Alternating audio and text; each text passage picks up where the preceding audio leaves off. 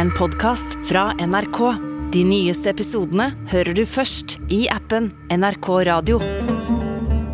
På en balkong i et stort, lyst murhus står en av verdens mest ettersøkte menn. Det er tidlig morgen i Afghanistans hovedstad, og kanskje tenker mannen at det blir en dag som alle andre. Men sånn blir det ikke, for i lufta over ham svever en amerikansk drone lasta med dødelige missiler. Noen sekunder seinere er lederen av den hensynsløse terrororganisasjonen Al Qaida død. Officials say his tactics and organizational skills were responsible for the deaths of nearly 3,000 people. It is a major blow against the terror group behind the attack on 9 11. Hvem var Ayman al-Sawahiri, og er krigen mot terror over nå? Hører på Oppdatert. Jeg heter Gry Baby. I det siste så har det jo vært mest snakk om eh, IS, den islamske staten, eh, Taliban som har tatt over Afghanistan. Eh, og kanskje noen har glemt litt Al Qaida, men det var jo de som virkelig satte i gang internasjonal, global islamisme. Særlig da med terrorangrepet mot New York og Washington 11. september 2001. Fortsatt det største terrorangrepet i historien. Sigurd Falkenberg Mikkelsen, du er utenriksredaktør her i NRK og har bodd i Midtøsten i mange år. Og grunnen til at du sitter her med meg i studio nå for å prate om Al Qaida, er at det for ikke lenge siden så kom det en ganske overraskende nyhet. Ja, det gjorde det virkelig. Eh, For den siste gjenlevende av de kjente terroristene som eh, sto bak eh, terrorangrepet 11. september, ble drept i Kabul. Dette er en mann som USA har jaktet på i over 20 år. Og det er ikke uten grunn. For allerede i 1998 så fikk han verdens søkelys retta mot seg. Bak et stort hvitt bord i en by i Afghanistan på grensa til Pakistan sitter to skjeggete menn med hvite kjortler og hodeplagg. De har invitert til pressekonferanse for å fortelle hele verden hva de har planer om. Bevokta av tungt bevæpna soldater forteller de at de har slått sammen terrororganisasjonene sine, og nå erklærer de hellig krig mot USA. Og Sigurd, hvem er de to mennene? Den ene er Osama bin Laden, allerede da en beryktet eh, terrorist. Karismatisk, kommer fra en eh, velbeslått eh, saudiarabisk familie. Den andre det var Ayman al-Sawahiri, og han er en litt annen type. Han er egypter, utdannet lege, kommer fra den egyptiske middelklassen, men engasjerte seg veldig tidlig i islamistisk politikk da det var forbudt i eh, Egypt, og dannet en hemmelig celle allerede som 15-åring. Så han var tidlig i opposisjon, og dannet også en terrorgruppe etter hvert som ble kalt islamsk eh, jihad. Nå sier de at de vil slå sammen eh, disse to eh, gruppene og disse to miljøene til en felles gruppe under et navn, nemlig Al Qaida. Og målet er intet mindre enn å knuse USA. Hvorfor er det så viktig for dem? De mener jo da at eh, USA er roten til eh, det de ser på som alt ondt i verden. eh, At de trer inn på islamske og muslimske områder. At de støtter korrupte regimer i Midtøsten. Og at de representerer da på en måte det som står imot det de tror på, som er da at eh, islam en gang skal eh, styre ikke bare de områdene de stammer ut fra, men også eh, kanskje ta over eh, verdensherredømme under et religiøst styre. Og i den nye organisasjonen, altså Al Qaida, så er det tydelig at de har en klar arbeidsfordeling. Ja, Det er ikke noe tvil om hvem som er frontfiguren her. Det er eh, Osama bin Laden. Det er han som har pengene, eh, og det er han som har karismaen, han som kan trekke til seg folk og oppmerksomhet. Mens uh, al-Zawahiri han har noe annet. Eh, han har eh, organisasjonstalentet. Han vet også hva det vil si eh, å organisere hemmelige celler eh, i en politistat som Egypt eh, var. Og han har sittet i fengsel, så han har allerede hatt et brutalt møte med, med motstanderne. Og det går jo ikke lang tid før en hel verden får se at disse to, de mener alvor. Et kraftig smell hørbart fem kilometer unna var det første. Det neste var det totale kaos i sentrum av Nairobi. Bare minutter senere gjorde en bombe store skader på USAs ambassade i Tanzanias hovedstad Dar es Salaam. Her er tallet på omkomne seks og tallet på sårede 58.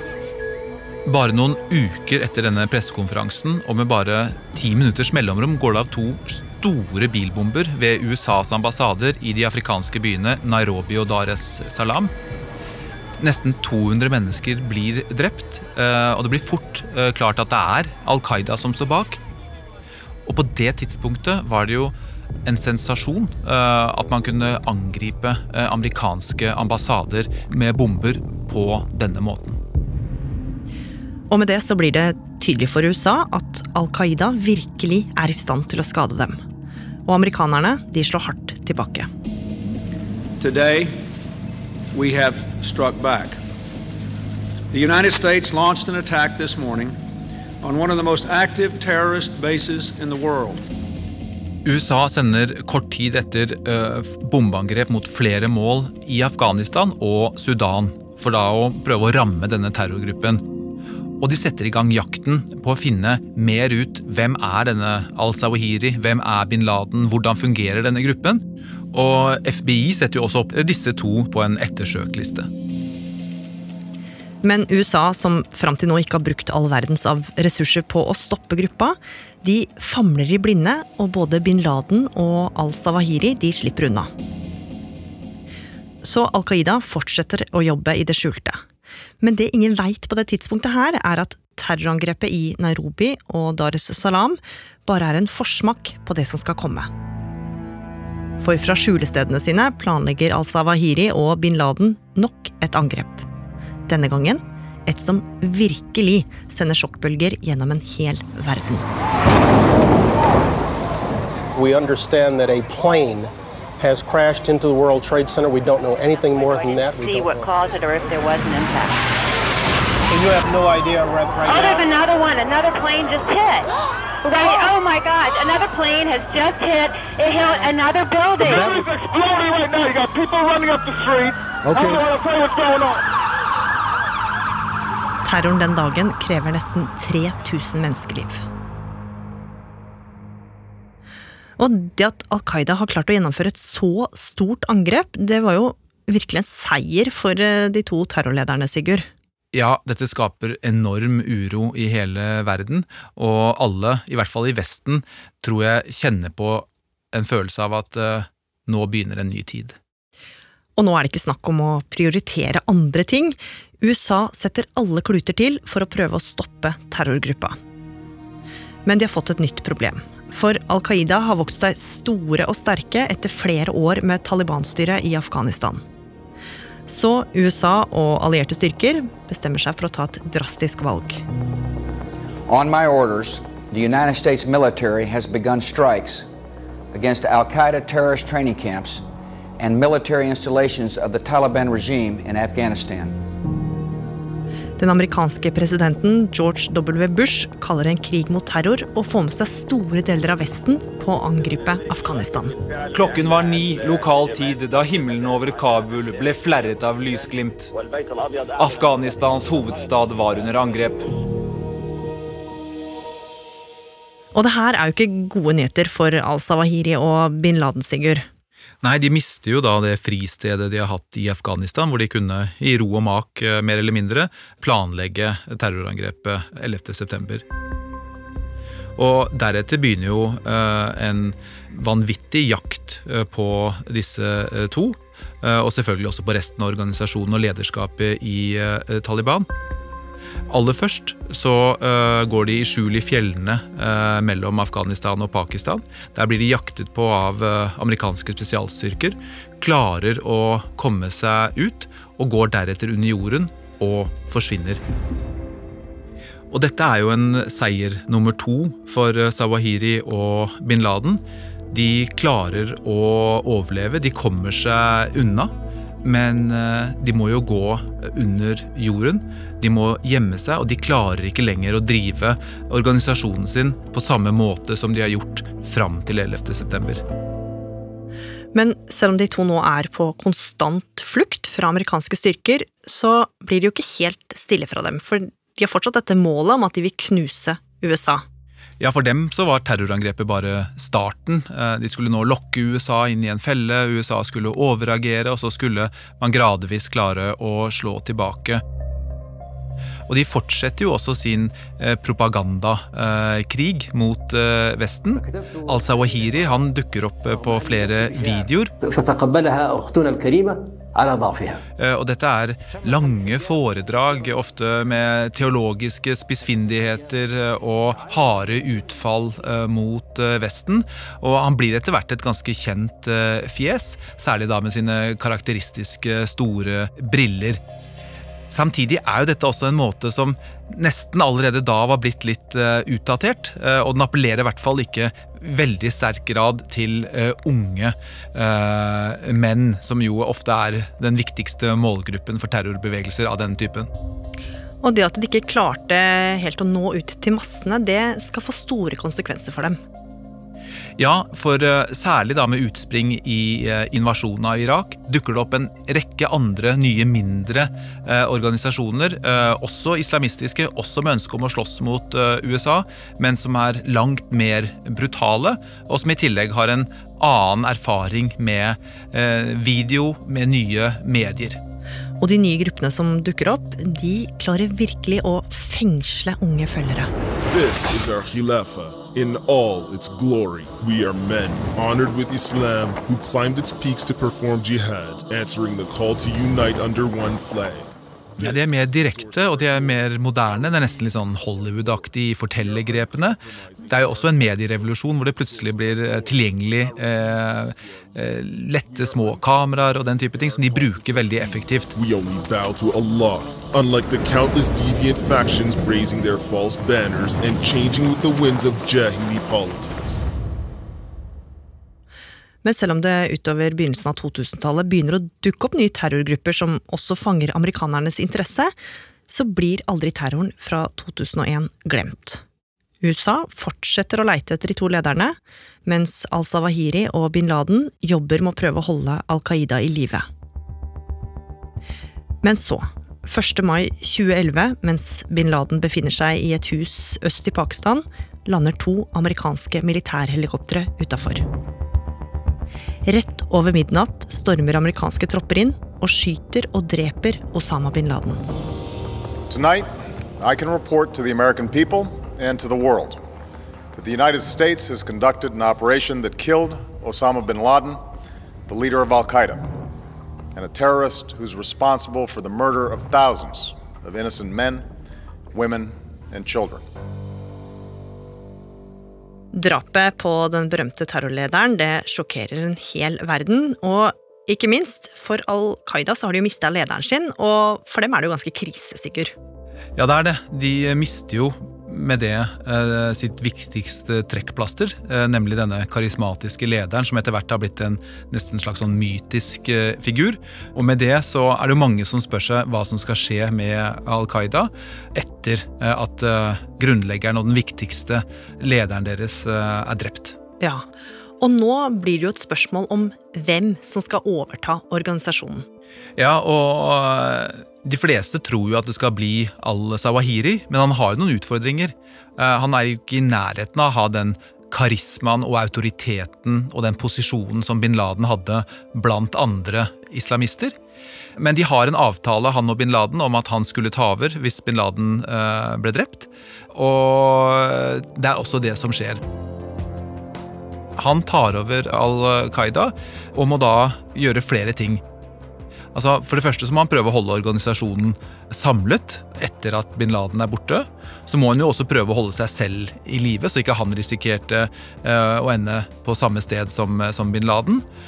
Og så må han jo da overleve den interne maktkampen som uh, følger. For dette er jo en tid hvor det skjer mye også i de islamistiske miljøene, som etter hvert har vokst uh, langt utover det de var da Al Qaida en gang ble dannet.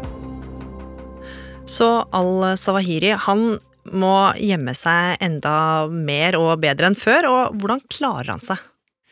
Sannheten er at ikke vi vet helt uh, hvordan og hvor han har vært i, i denne perioden. Uh, antagelig så gjemmer han seg et eller annet sted i fjellområdene mellom Afghanistan og Pakistan. Uh, men han klarer å holde seg i skjul, og klarer etter hvert også, om ikke etablere den samme autoriteten som bin Laden hadde, så holder han Al Qaida noenlunde samlet. Men det blir en stor splittelse internt i de islamistiske miljøene med framveksten av IS, den islamske staten, som jo er enda mer brutal. De utfordrer også eh, Al Qaida, som ses på i islamistmiljøene på den tiden som da er litt gammeldags og utdaterte. Mm. Og alt det her fører jo til at det ble ganske stille fra Al Qaida og al-Sawahiri. Og mange hadde kanskje glemt litt at de i det hele tatt fantes. Men så, i fjor høst, så skjer det noe som snur opp ned på Afghanistan. Joe Biden trekker amerikanske soldater ut av Afghanistan. Norge og Nato følger etter. Now the Taliban are back as the US leaves Afghanistan gripped by panic and run by extremists. The country's president has fled and western countries are scrambling to get people out. Og man kan jo tenke seg at det nå åpner seg en ny mulighet for al-Sawahiri. For Taliban er jo gamle venner av Al Qaida. Ja, det er akkurat eh, det, og det var også de amerikanske forhandlerne eh, opptatt av. Så Taliban inngår en avtale med USA om at de ikke skal bli et fristed for internasjonal terror som kan true Vesten. Men USA lar seg ikke overbevise av eh, Talibans løfter. I det skjulte blir flere amerikanske spioner igjen i landet, og de har ett mål. De skal finne lederen, al-Sawahiri. For USA har aldri glemt terroren han og Al Qaida hadde utsatt dem for. Og en aprildag i år så har de nyheter å melde til president Joe Biden. Ja, for da har jo da de fortsatt å overvåke og følge med på det som skjer i Kabul, men på en annen måte enn tidligere. Uten soldater, men med informanter, spioner og sikkert med kameraer og droner eh, også. Og da finner de jo ut av hvor han bor hen. Han bor i et uh, av uh, byens beste strøk, et strøk hvor det var masse utlendinger før Taliban tok over. Og de finner også mye mer ut om bevegelsesmønsteret til eh, familien. Sawahiri går aldri ut av huset, men det gjør kona hans. Og så er det jo da Biden får dette valget. Vi kan eh, drepe han, vi kan eh, nå ham, men hvordan skal det gjøres uten at sivile også blir drept? Dette er det dilemmaet amerikanerne står oppi i, i, i flere måneder, hvor de overvåker huset han bor i. Og det viser seg at de skal få én mulighet. For al-Sawahiri han har en rutine, og det er nesten hver morgen å gå ut på balkongen alene. Tidlig om morgenen den 31. juli flyr en drone fullasta med missiler over grensa til Afghanistan. Idet den får al-Sawahiris hus i sikte, avfyres to missiler mot balkongen han står på. Og med det har USA nok en gang drept en Al Qaida-leder. Now, justice has been delivered, and this terrorist leader is no more. No matter how long it takes, no matter where you hide, if you are a threat to our people, the United States will find you and take you out. Men nå har altså Al Qaida mista lederen sin. Hvor står denne terrororganisasjonen i dag? Det er ikke sikkert det får all verden å si at eh, al-Sawahiri er borte for Al Qaida. De kommer til å finne en ny leder, eh, og sentrallederskapet i Al Qaida har de siste årene vært ganske svakt. De sterke organisasjonene de er eh, lokalt type Somalia eller Jemen f.eks. Så spørsmålet er om en ny leder vil kunne gjøre Al Qaida til en større trussel eller ikke. Det er ikke sikkert, men det kan skje. Etter 11. september så ble det jo erklært en krig mot terror. Og Sigurd, nå er den siste av bakmennene drept. Betyr det at denne krigen nå er over? En epoke i verdenshistorien er på en måte over med dette. Eh, nå er begge de to bakmennene for terrorangrepet drept av amerikanerne. Eh, og dette fokuset amerikanerne har hatt på krig mot terror de siste 20 årene, eh, er nå mm, annerledes. Nå er det snakk om Kina, Ukraina, Men trusselen fra islamistisk terror er på ingen måte over.